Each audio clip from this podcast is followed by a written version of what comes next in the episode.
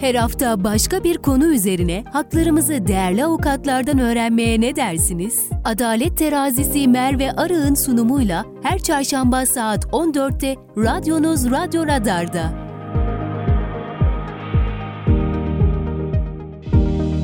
Merve Arı'nın hazırlayıp sunduğu Adalet Terazisi başlıyor. Radyo Radar dinleyicileri ve Kayser Radar takipçileri, Adalet Terazisi programı ile karşınızdayız. Ben Merve Arı. Her hafta başka bir konuyu hukukçularımızdan dinliyoruz. Bu hafta Adalet Terazisi programında Gizem Uzun bizimle birlikte. Hoş geldiniz. Hoş bulduk Merve Hanım. Nasılsınız? İyiyim, teşekkür ederim. Siz nasılsınız? Çok teşekkür ediyoruz. Bizler de iyiyiz. Bizi kırmayıp programa konuk olduğunuz için ayrıca teşekkür ediyorum. Rica ederim. Ee, bu arada sorularınızı sosyal hesaplarımızdan sorabilirsiniz. Aynı zamanda 0352 336 2598 WhatsApp iletişim hattımızdan da bizlere ulaşabilirsiniz.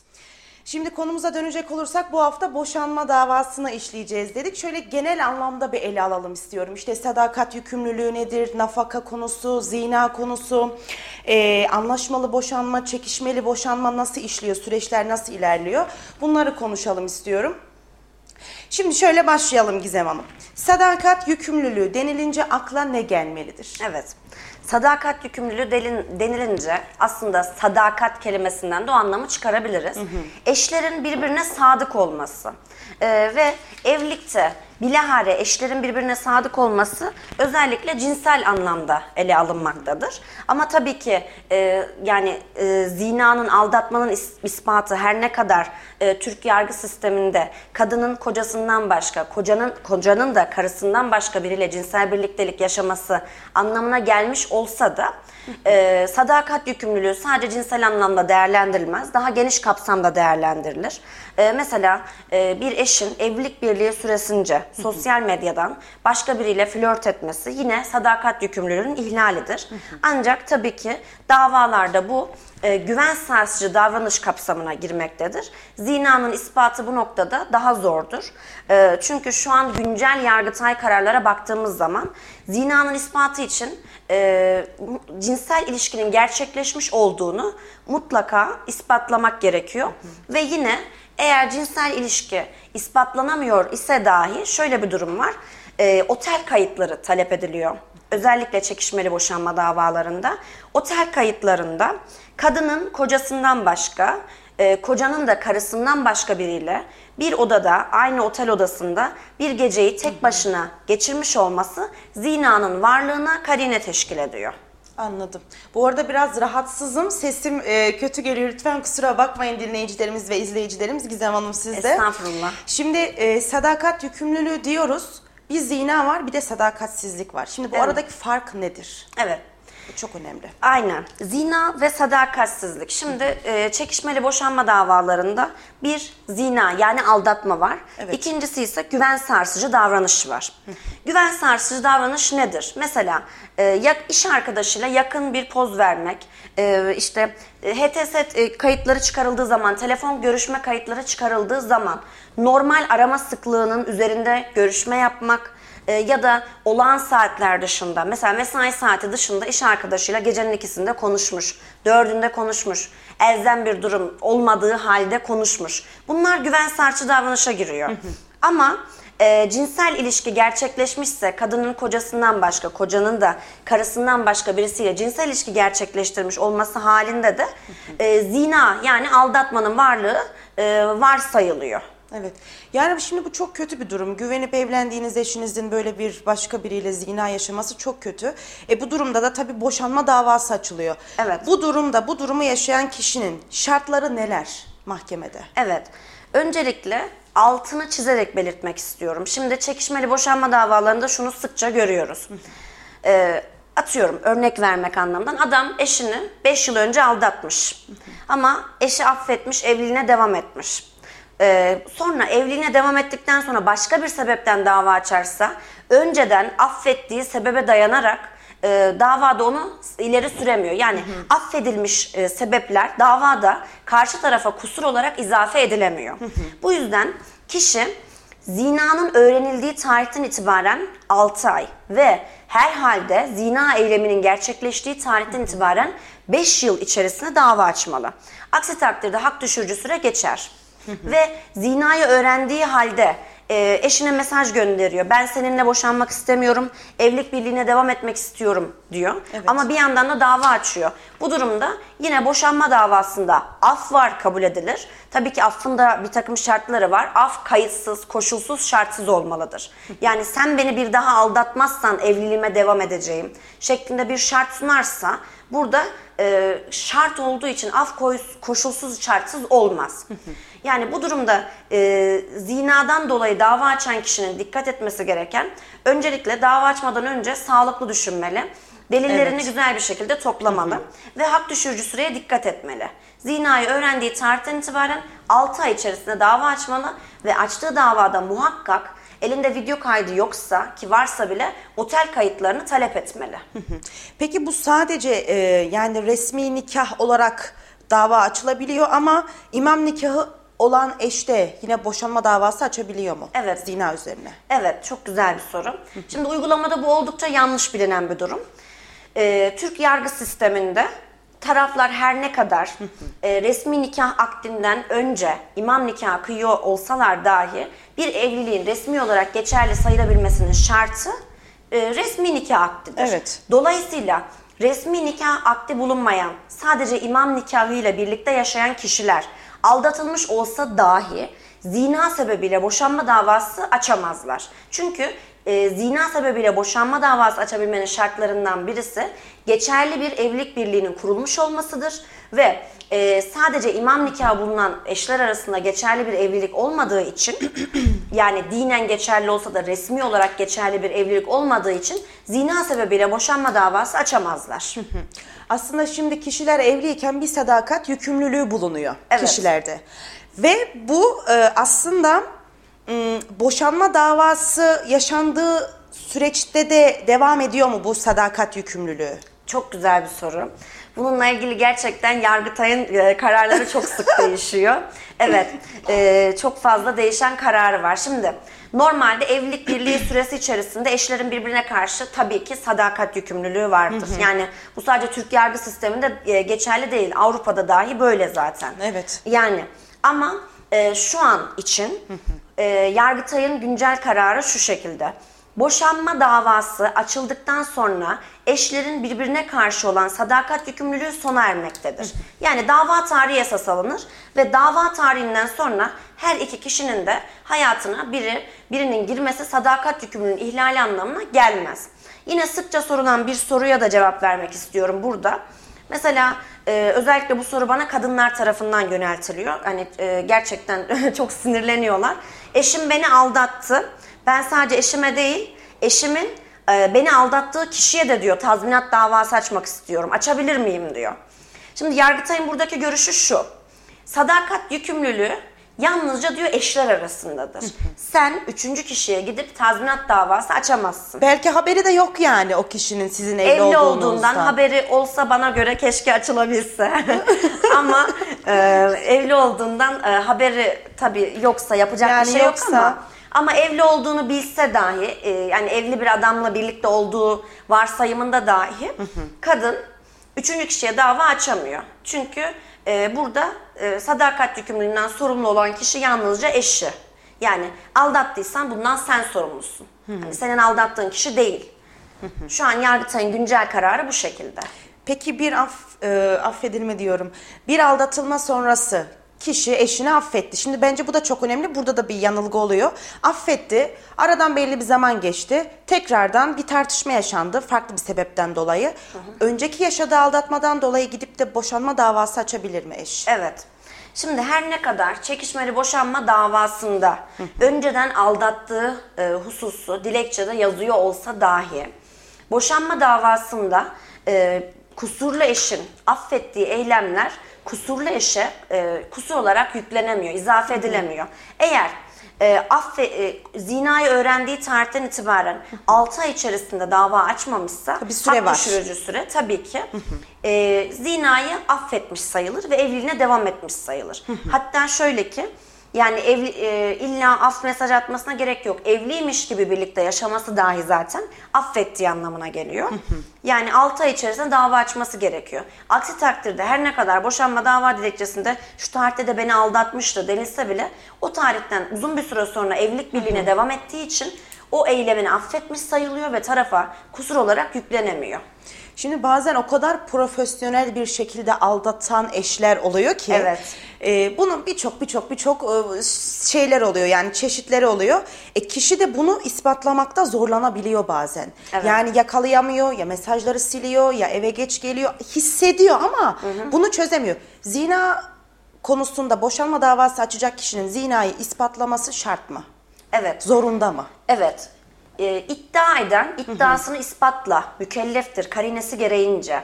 Kim neyi iddia ediyorsa ispatla mükelleftir. Zinanın ispatı oldukça zordur. Burada e, sağlıklı bir şekilde temkinli hareket etmek gerekir.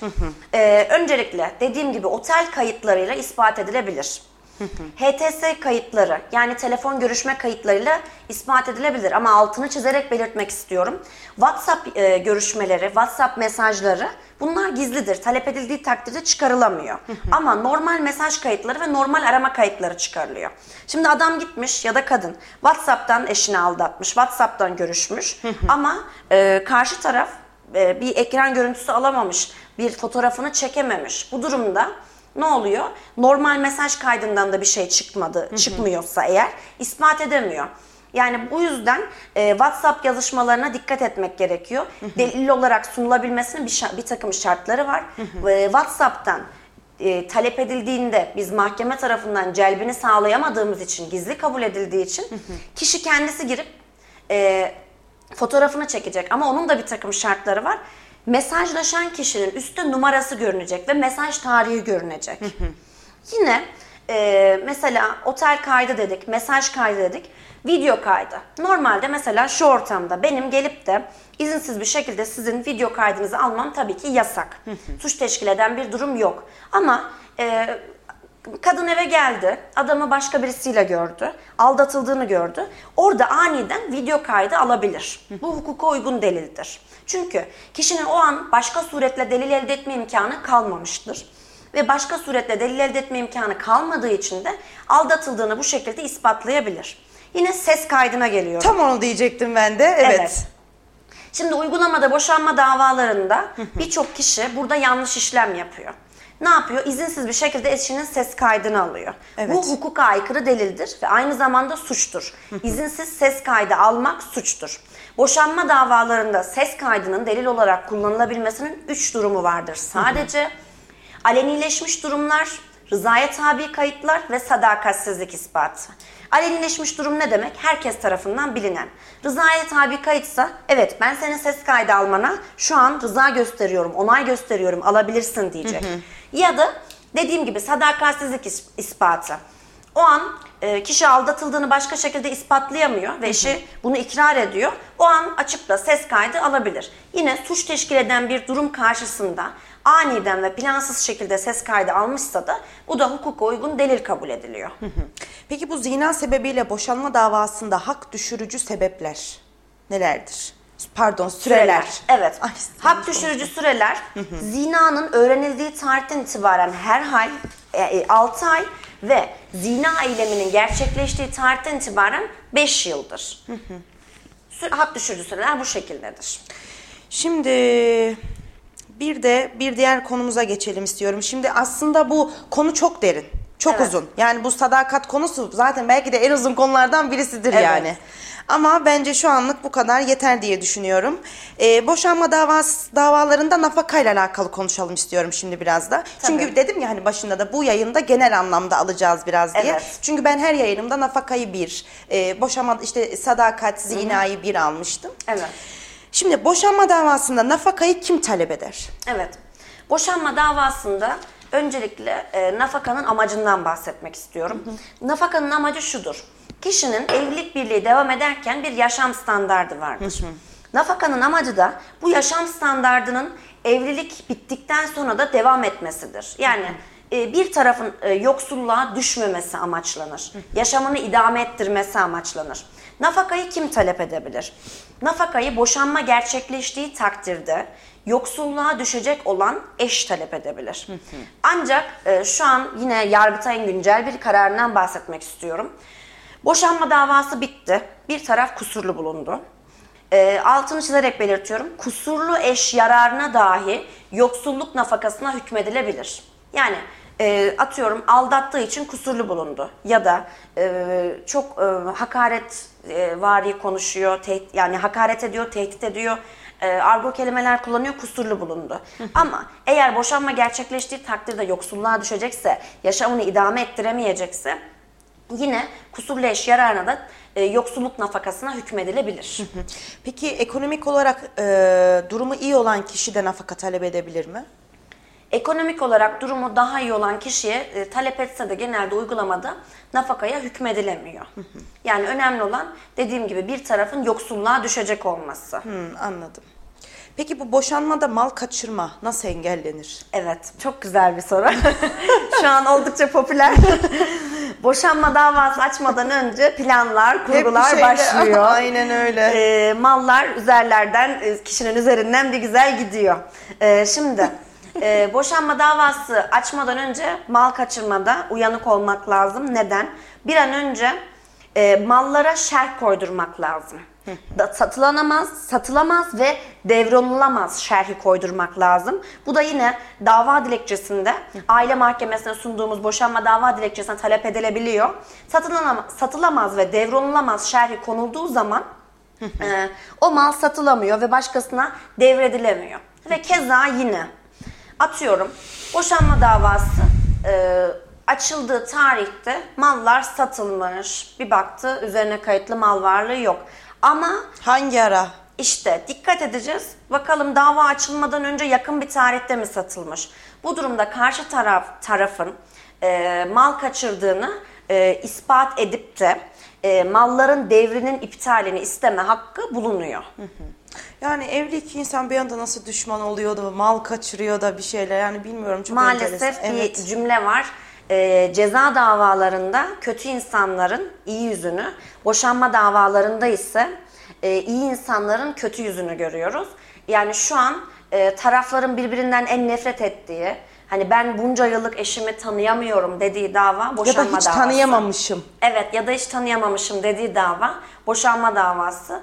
Artık orada e, özellikle çekişmeli boşanmada Evet. birbirlerine karşı taraflar her türlü kozu kullanıyor ve tabii ki maddiyat da devreye girdiği için hani mal tasfiyesi, tazminat, nafaka devreye girdiği için bazen maalesef ki tabii ki herkes değil ama çirkin yollara dahi başvurulabiliyor. Şimdi çekişmeli boşanma demişken aslında bugün o kadar çok konu var ki dediğim gibi yani hani Evet. e, hepsini de konuşalım istiyorum.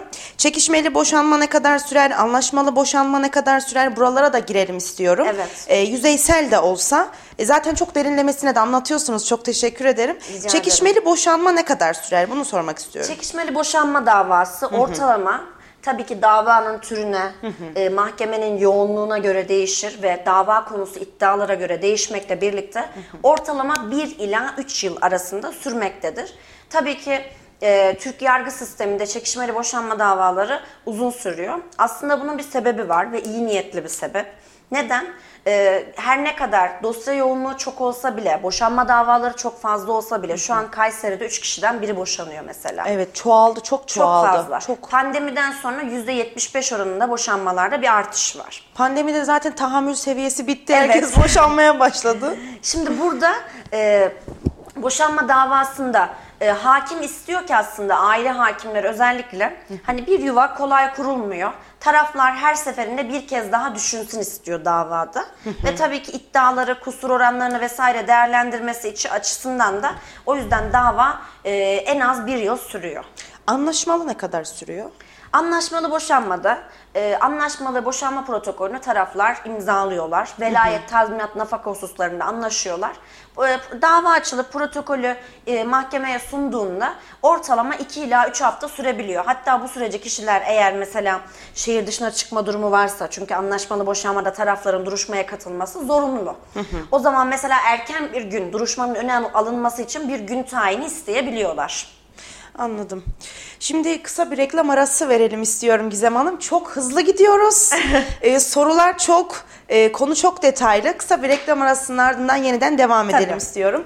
E, değerli Radyo Radar dinleyicileri ve Kayseri Radar takipçileri Adalet Terazisi programına kısa bir aranın ardından devam edeceğiz.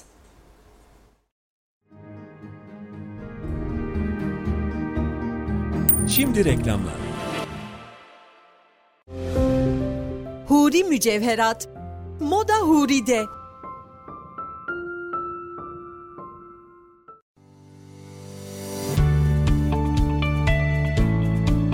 Kayseri'nin kuru yemişçisi Çerez 38. Çıtır çıtır kuru yemişler, damak tadınıza uygun lokumlar, lezzetli şekerlemeler, çeşit çeşit baharatlar, evinizin vazgeçilmezi bakliyatlar, taze çekilmiş sıcak tahin ve kahve çeşitleriyle Çerez 38 hizmetinizde. Kayserili işini bilir. Haydi Kayseri. Kayseri'nin kuru yemişçisi Çerez 38'e. İletişim 0533 330 08 Şube 1 Taceddin Veli Mahallesi Şehit Miralay Nazım Bey Bulvarı Köylü Pazarı yanı Çifte Önü. Şube 2 Belsin Keykubat Mahallesi İsmail Erez Bulvarı. Keykubat Tramvay Durağı 200 metre ilerisi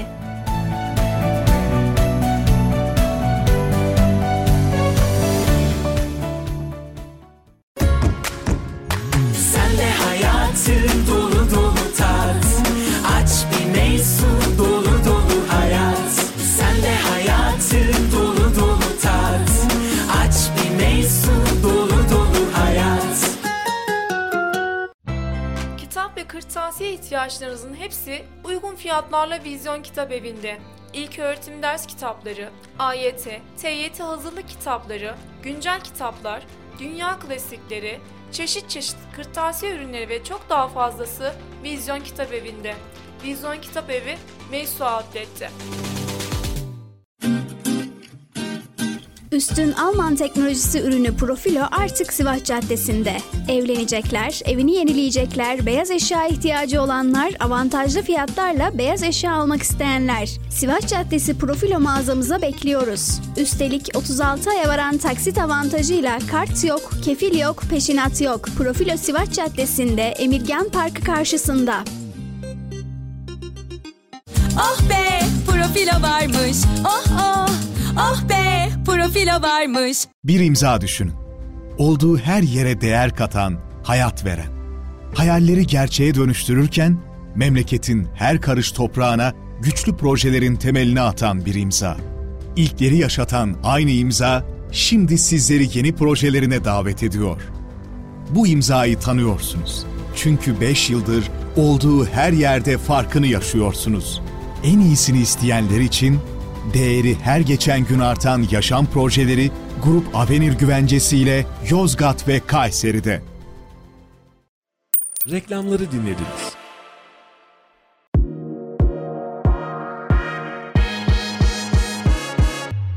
Bölgenin en çok dinlenen radyosunda kendi markanızı da duymak ve herkese duyurmak ister misiniz? Markanıza değer katmak için bizi arayın. Radyo Radar reklam attı. 0539 370 91 80. Merve Arı'nın hazırlayıp sunduğu Adalet Terazisi devam ediyor.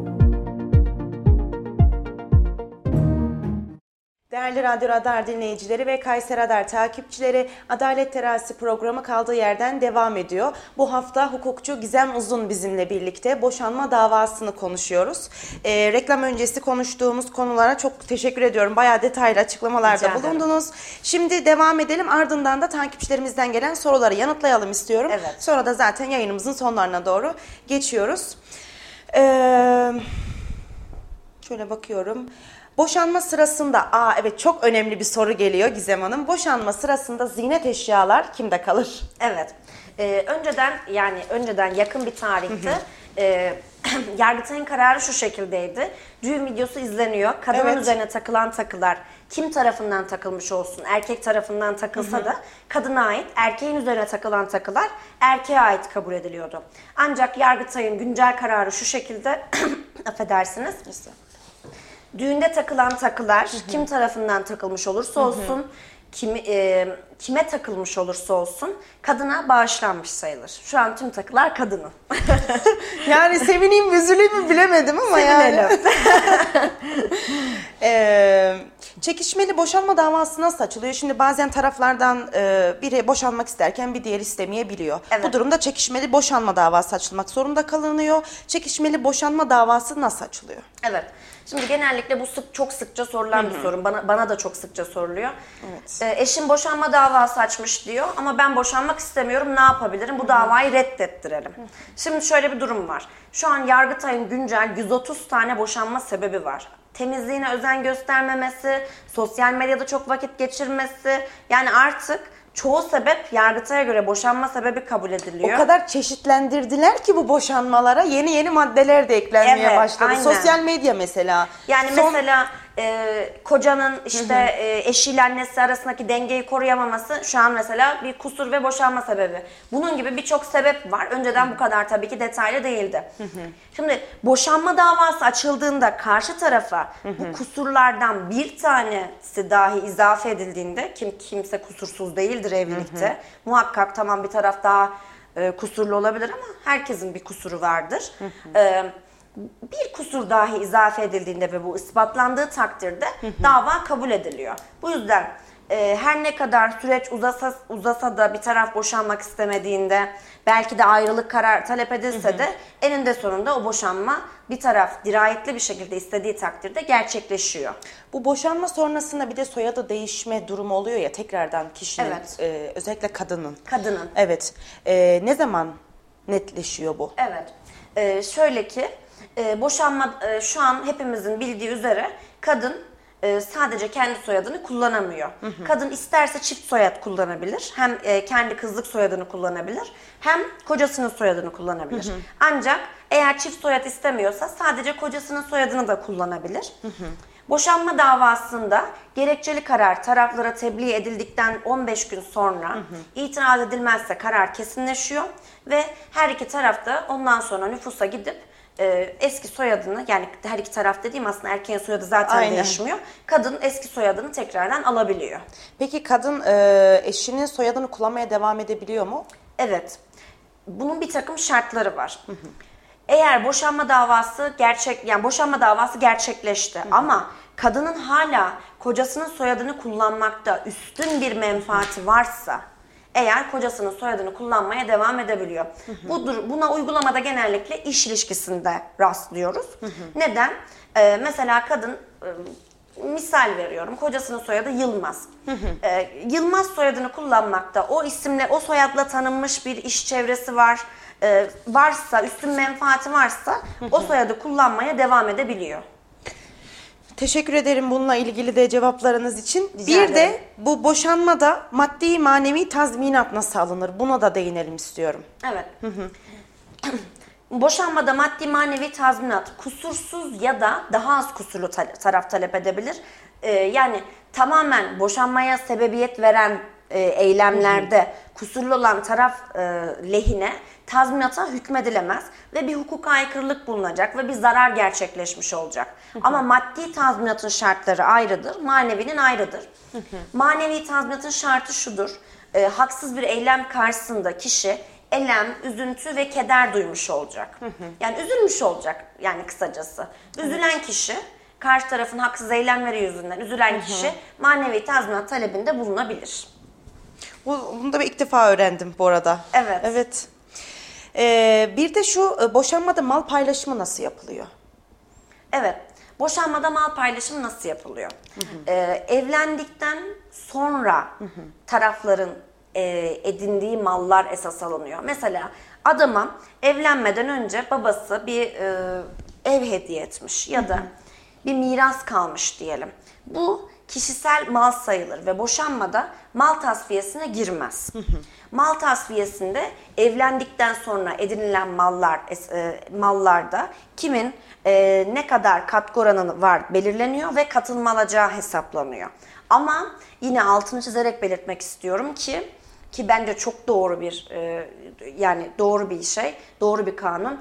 E, zina eden tarafın katılma alacağı ya kaldırılıyor ya da azaltılıyor. Yani her ne kadar ev, evlendikten sonra e, üzerine hani milyonluk, milyar dolarlık mallar almış olsun. hatta hepsini o almış olsun. E, zina ettiği takdirde e, ona e, bir mal varlığı kalmıyor. Kalsa da çok az bir miktar veriliyor. Tasfiyeye girildiği takdirde. Anladım. Çok teşekkür ederim. Rica Ee, bir de son olarak şu konuya da değinelim. Sonra da takipçilerimizden gelen sorulara geçelim istiyorum Gizem Hanım. Boşanmadaki bence belki de boşanma ile ilgili benim de yani en e, hassas olduğum nokta velayet konusu. Çünkü Evet. hani hep çocuklar yani çocukların o masum bakışı falan beni çok etkiliyor. Velayet nasıl alınır? Bu süreç nasıl işler? Ee, şöyle ki e, velayette çocuğun üstün menfaati esas alınır. Ve çocuk e, 8 yaşına kadar yargılama içerisinde kendisini ifade edebilecek bir konumda sayılmaz. 8 yaşından sonra çocuğun ya da 12 yaşından sonra e, yargılama içerisindeki görüşü alınabilir. Çocuğa sorulur. Annenle mi kalmak istiyorsun, babanla mı kalmak istiyorsun?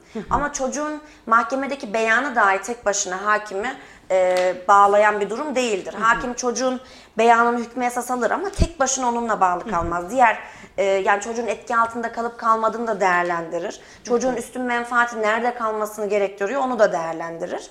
Ve genelde velayet özellikle 8 yaşına kadar annede kalır. Sadece iki durumda anneden velayet alınabilir. Ee, yani kadının ekonomik özgürlüğünün bulunmaması dahi velayetin alınmasına sebebiyet vermez. Hatta e, aldatan bir kadın varsa kadının sadakatsiz davranışı dahi velayeti almasına engel değildir. Ama e, kadın ahlaki açıdan kötü bir yaşam tarzı sürüp de çocuğa çok kötü örnek oluyorsa, psikolojisini bozuyorsa e, velayet anneden alınabilir. Ya da diğer durum şudur. E, kadın e, ağır e, psikolojik rahatsızlığı vardır. Sürekli olarak intihara teşebbüsü vardır. Bu durumda ancak velayet e, anneden alınabilir. Bir de bu artık boşanmaya karar vermiş çiftler için boşanma davasında yetkili ve görevli mahkemelerden de bahsedelim Evet. birazcık. Tabii ki. Ee, mesela bunu da uygulamada yanlış mahkemeye dava açabiliyorlar. Ee, neden? Mesela kadın taşınıyor, başka bir şehre babasının yanına gidiyor, dava açıyor. Ama ikametini aldırmadan açıyor. Dikkat etmekte fayda var. Neden? Boşanma davalarında yetkili mahkeme eşlerden birisinin yerleşim yeri mahkemesi ya da son 6 aydır birlikte ikamet ettikleri yer mahkemesidir. Yani kad- eğer e, kadın babasının bulunduğu şehre taşınmışsa ikametini oraya aldırmadığı müddetçe yetkili mahkeme o, o mahkeme sayılmaz. Son 6 aydır birlikte ikamet ettikleri yer mahkemesi sayılır. Görevli mahkeme ise aile hukukunu ilgilendiren bir durum olduğu için aile mahkemesidir. Çok teşekkür ederim. Şimdi e, sorularla da devam edelim istiyorum biraz da. Tabii. E, WhatsApp hattımıza gelen sorularla. E, acil boşanmak istiyorum ne yapabilirim demiş. Evet. Acil boşanmak isteyen e, bir kişinin tercih edebileceği yol anlaşmalı boşanmadır. Neden? Anlaşmalı boşanma tek celsede sonuçlanıyor. E, ve daha önce söylediğim gibi iki ya da üç hafta sürüyor. Ama tabii ki anlaşmalı boşanmak kolay değil. E, çünkü tarafların üç hususta anlaşmaya varmış olması lazım. Velayet, tazminat ve nafaka. Bu üç hususta anlaşmaya varılmadığı müddetçe de anlaşmalı boşanma mümkün değildir. E, bir diğer takipçimiz çekişmeli boşanmada avukat tutmak zorunda mıyım diyor. Evet. Hi- aslında sadece boşanma davasında değil. Hiçbir davada yani diğer davalarda da avukat e, tutma zorunluluğu yoktur. Ama e, tabii ki bir davayı e, takdir edilir ki bir avukatın yürütmesiyle normal bir vatandaşın yürütmesi, alanında uzman bir kişinin yürütmesi farklıdır. O yüzden e, yani mutlaka bir davanın alanında uzman, profesyonel bir avukatla yürütülmesinde fayda vardır. Bir avukatla temsil edilmekte her zaman fayda vardır. E, ve yine maddi durumu iyi olmayan kişilerin şöyle bir imkanı var. Herkes bulunduğu ilin barosuna gidebiliyor. Ve adli yardım bürosundan avukat talep edebiliyor. Ama bunun şartları var. Gidip de e, herkes adli yardım bürosundan avukat talep edemez. Kişinin üzerine kayıtlı taşınmazı olmayacak. Üzerine kayıtlı taşınırı olmayacak. Ve yine aktif sigorta kaydı olmayacak. Yani düzenli bir geliri olmayacak. Gerçekten yoksul bir durumdaysa İhtiyacı olan birisi. aynen, Evet. adli yardım bürosundan avukat atanabiliyor. Ee, bir diğer takipçimiz eşim boşanmak istemiyor ben istiyorum boşanabilir miyim? Evet. Eşim e, şimdi daha önce söylediğim gibi her ne kadar eşi boşanmak istemiyor olsa bile e, eğer e, boşanmak istemeyen tarafa az da olsa bir kusur izafe edilebilirse e, dava kabul edilir ve boşanma davası gerçekleşir. Ee, umarım takipçilerimiz için açıklayıcı olmuştur. Sorularına yanıt bulmuştur. Ee, çok e, yoğun sorular geldi. Ee, şu anda da ben kendi sorularımı da bitirdim. Çok teşekkür ediyorum Rica Gizem ederim Hanım Merve programa Hanım. katıldığınız için. Ee, bu konuyla ilgili eklemek istediğiniz bir şey var mı? Ee, Bu konu da şimdi çok derin bir konu. Hangi Evet, birine ne hemen. ekleyeceksiniz? özellikle dikkat edilmesini hı, istediğim aynen. bir şey var mı? Yayınımızı Evet. toparlayalım. Zinetlerle ilgili bir hususa değinmek istiyorum son olarak. Evet. Ee, şimdi Yargıtay'ın güncel kararı uyarınca kadın e, evden tüm kişisel eşyalarını götüren kadının zinetleri de yanında götürdüğü kabul ediliyor. Ve e, bu- buna karşı bir karar da var. Evden şahsi eşyalarını da dahi alamayan kadının zinetleri yanında götürmediği kabul ediliyor. Bu yüzden e, şimdi boşanma davalarında şunu çok sık görüyorum. E, siz yeni evlisiniz, takılarınız çalınır diye e, erkeğin annesi ya da babası takıları alıyor. E, daha sonra boşanma raddesine geliyor. Kadın e, kadında takılar yok. E, bu sefer e, karşı tarafta diyor ki hayır biz takıları verdik. Takılar bizde değil. Oldukça serin kanlı bir şekilde. Ama burada kadının e, uyanık olmasında fayda var. Evden eğer zinetlerle ilgili bir şey ispat edemiyorsa tüm şahsi eşyalarını götürmesin ki evden hani e, zinetleri alamayacak kadar e, apar topar çıktığını beyan edebilsin. Çok e, önemli bir yermiş burası da. Evet, Evet. böyle böyle de mi varmış? Evet böyle var ve Aa. yine hatta şöyle de var. Çok Ee, enteresan. bazı kadınlar da çok uyanık mesela. Neden?